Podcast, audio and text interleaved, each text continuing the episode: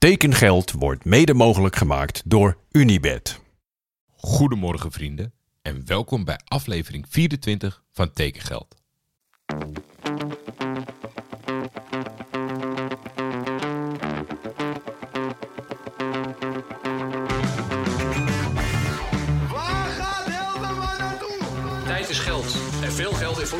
Is bijna een garantie voor succes. Hallo Paul, this is Hans Nijland. I would like to invite you here in Groningen. In de zomer gaat Van de Beek naar Gaat Van Madrid. de Beek gewoon naar Real Madrid. Manchester United hoeft niet meer te bellen. Die hoeven niet te bellen. Nee, nee.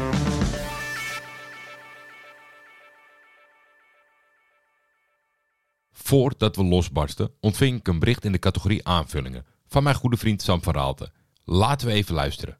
Hey Jordi, ik ben deze maanden druk bezig met mijn podcastje De Ondergrond, maar ik geniet ook heel erg van tekengeld. Dus ik wil ook graag een steentje bijdragen. Het grote verhaal van deze transferwindow is natuurlijk de invloed van Saudi-Arabië. Nou hadden we bij Five Sports jaren geleden eens een artikel gepubliceerd met Ilko Schatori.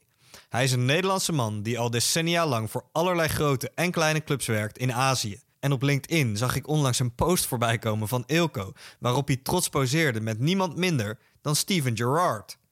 Ilko Schatori is namelijk sinds deze zomer technisch directeur van de Saudi-Arabische club Al Ettifaq. En daar hebben ze Steven Gerrard binnengehaald als nieuwe trainer. Dus ik vroeg Ilko Schatori of ik hem daarover mocht bellen, voor tekengeld.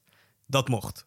Mijn eerste vraag was hoe de financiële situatie nu in elkaar steekt voor clubs in Saudi-Arabië, waar het toch iets anders werkt dan bij Europese clubs. Hier is Ilko Schatori. In dit geval heeft de Saoedische voetbalfederatie een plan opgezet om de Saudi voetbal op de, op de kaart te zetten. Er is dus een, een comité die aan iedere club een budget geven. En dat budget wordt bepaald aan de hand van waar je vorig jaar geëindigd bent. En ook een beetje aan de hand van de historie van de club. En ja, de top 4 die, eh, is bijna eh, een open kraan aan geld. Maar met dat budget kunnen wij doen kiezen wie wij willen, maar het moet wel gespendeerd worden aan buitenlandse spelers. En wij hebben in principe drie profielen. Eh, deze drie profielen hebben we nodig. Eh, dat is een verdediger, een middenvelder en een, eh, en een spits. En daar zijn we nu hard in het werk om dat, eh, om dat rond te maken. Maar het, het comité kijkt daar wel even naar. Ja, en dan zag ik bijvoorbeeld op je LinkedIn een foto langskomen met Steven Gerrard, de nieuwe trainer van Al de club waar jij voor werkt. Hoe is de komst Ja. van Steven Gerrard bijvoorbeeld tot stand gekomen? Hoe gaat zoiets?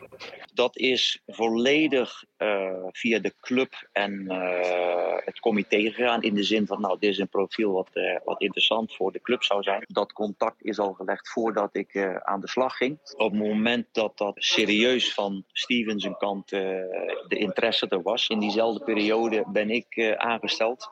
En heb met hem een interview gehad eh, samen met, eh, met de mensen van de club. We hoeven niet, te- niet te discussiëren over zijn profiel aan zich. Dat brengt natuurlijk ontzettend veel eh, aandacht en ook sponsoring. Maar als coach ja, heb ik geanalyseerd hoe die werkt. En wat het belangrijkste is, zijn persoonlijkheid. En ik denk dat we daar een hele goede keuze in hebben gemaakt. Omdat hij ehm, ja, iemand met dat profiel, met, met, die van dat, dat niveau in principe een, een aantal stappen terug moet maken in een, in een league zoals Saudi-Arabië. We zitten nu, zitten nu in een trainingskamp eh, in Kroatië.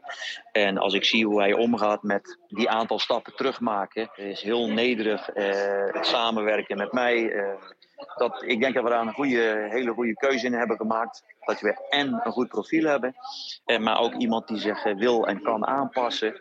Want ik heb het al heel vaak gezien hoe coaches uit, uit Europa naar, naar Azië komen. En als ook maar iets qua infrastructuur niet goed geregeld is, meteen beginnen te zeuren. En dit is niet goed en dat is goed. En hun eigen principes heel dogmatisch eh, eh, aanhouden. Ja, dat, dat, dat kan een hele goede coach zijn. Maar als je zich niet kan aanpassen, omdat je toch met een een mindere infrastructuur te maken hebt en dat je met een andere cultuur te maken hebt, ja, dat botst meestal. En ik moet zeggen, dat, eh, dat doet hij tot nu toe fantastisch. Nou is er natuurlijk, als mensen in Saudi-Arabië gaan werken, is daar regelmatig kritiek op. En dat vind ik eerlijk gezegd soms ook wel begrijpelijk, vanwege mensenrechten, issues, et cetera. Hoe er met journalisten wordt omgegaan bijvoorbeeld. Ehm, wat is daarin jouw overweging geweest en snap je die kritiek?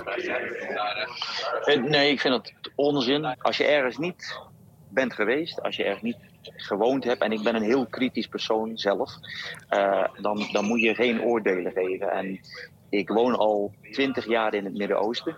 Nou, zijn er dingen waarvan ik zeg in Saudi-Arabië, in Oman, in de Emiraten, waarvan ik denk van, hey, zou dat beter kunnen of zou dat anders kunnen? Ja, maar zo kan ik eh, ook tal van zaken opnoemen dat in ieder Europees land anders zou kunnen. Wat ik wil zeggen is dat totale plaatje, je kunt daar, je kunt daar bepaalde eh, kritische eh, dingen uithalen en ze uitvergroten. Ja, dan zeg ik ja, daar heb je gelijk. Als ik het ergens niet mee eens ben, dan leg ik dat ook meteen op tafel. Maar is een algemeenheid. Ik woon al met eh, heel veel vrede en eh, peace in, in, in het Midden-Oosten. Of in Azië eigenlijk. Goed, tot zover Ilko Schatori vanaf het trainingskamp in Kroatië met onder meer Steven Gerrard. Volgens mij staat Ilko ook op het punt om Jordan Henderson van Liverpool binnen te halen bij Al Ettifaq. Al wilde hij daar nog niks over zeggen. Alright Jordi, ga lekker door met tekengeld en ik spreek je snel weer. Misschien niet de allerbeste teken op het einde van Ilko, maar toch een schitterend kijkje in de Arabische keuken. En ik weet dat jullie houden van originele ideeën en uitvoeringen. Dus een tip van mij, zeker voor de mensen die graag podcast luisteren, check De Ondergrond. De meest originele podcast in het Nederlandse landschap in jaren. Dan over naar de orde van de dag. De 24-jarige Yassine Assenou heeft een tweejarig contract getekend bij Velje Bolt Club. Voor FC Emmen kwam Yassine 74 wedstrijden in actie. Daarvoor kwam hij uit voor FC Espoo en FC Lahti uit Finland. En vertegenwoordigde hij de Finse nationale ploeg. Marius Adriaan Nicolai, technisch directeur van Vele Bolt Club, heeft lovende woorden over de nieuwe aanwinst van Vele. Yassine Assenou is een speler die we al lang volgen en die we goed kennen. Yassine heeft een sterke persoonlijkheid en goede vaardigheden in het aanvallende spel, ook bij spelervattingen. Zijn profiel past perfect bij onze sportieve strategie. Heel veel succes, Yassine. Yunus Namli is terug bij PEC Zwolle. De geboren Deen die tussen 2017 en 2019 twee seizoenen in Zwolle speelde en daarin tot 72 wedstrijden, 11 goals en 16 assists kwam, tekent voor één seizoen.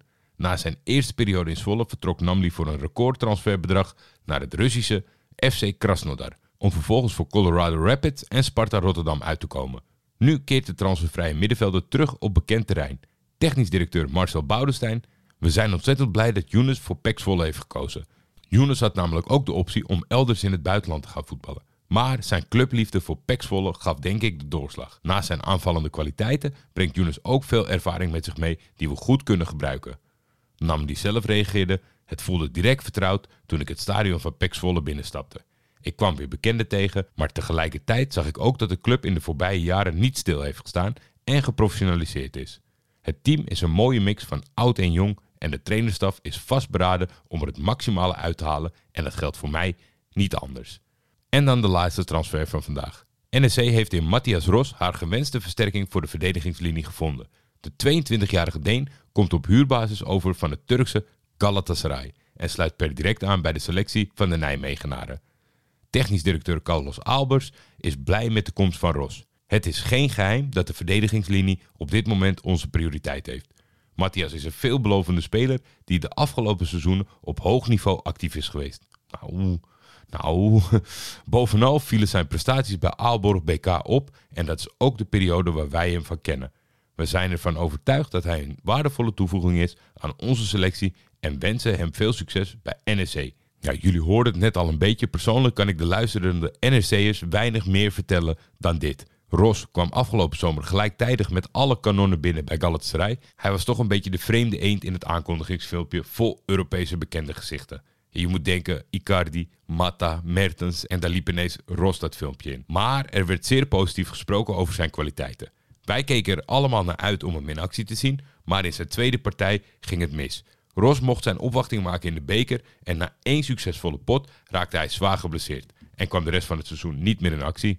In ieder geval ben ik vanuit mijn eigen perspectief wel blij met dit tijdelijke dienstverband.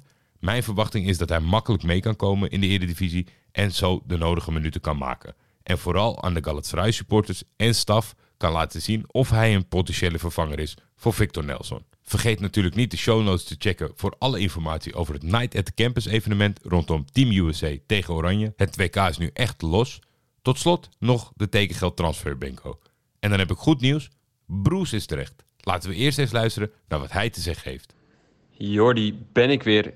Ik heb even een paar dagen eh, verstek moeten laten gaan. Waarvoor mijn excuses. Maar we hebben een hoop in te halen, dus laten we maar snel beginnen.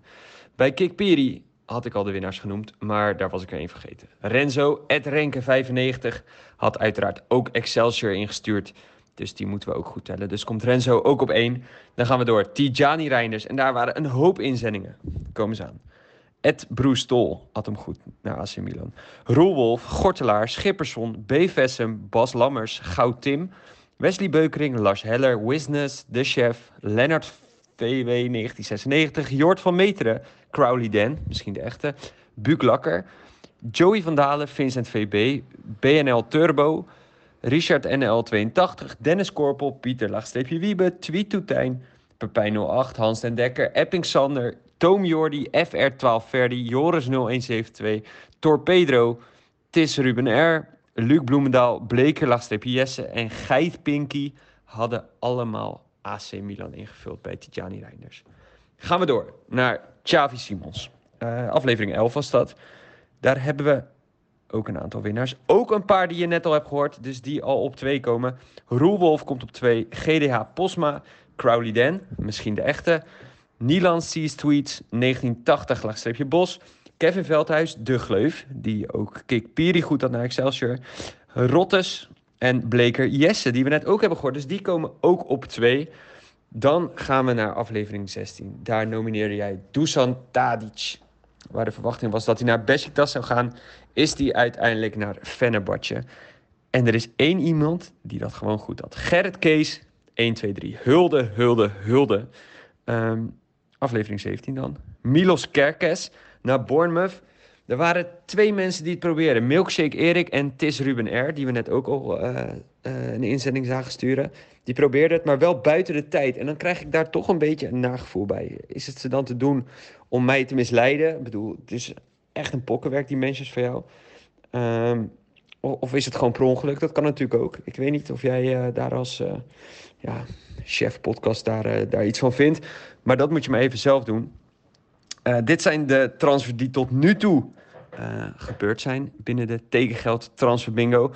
Tom Haaien staat nog open. Karel Eiting staat nog open. Milion Manhoef staat nog open. Bazoer, Van de Beek, Tafsan, Van Hooijdonk, Sangaré, Brenet, Doufikas, Alvarez, Lukaku en Dost staan allemaal nog open. Dus er is nog een hoop te halen.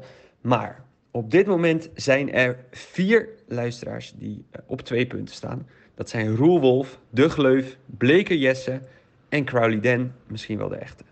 Dit is de stand en daar moet u het mee doen. Dankjewel Bruce. Zand erover, maar laat het niet nog een keer gebeuren. Dan over naar de nieuwe optie.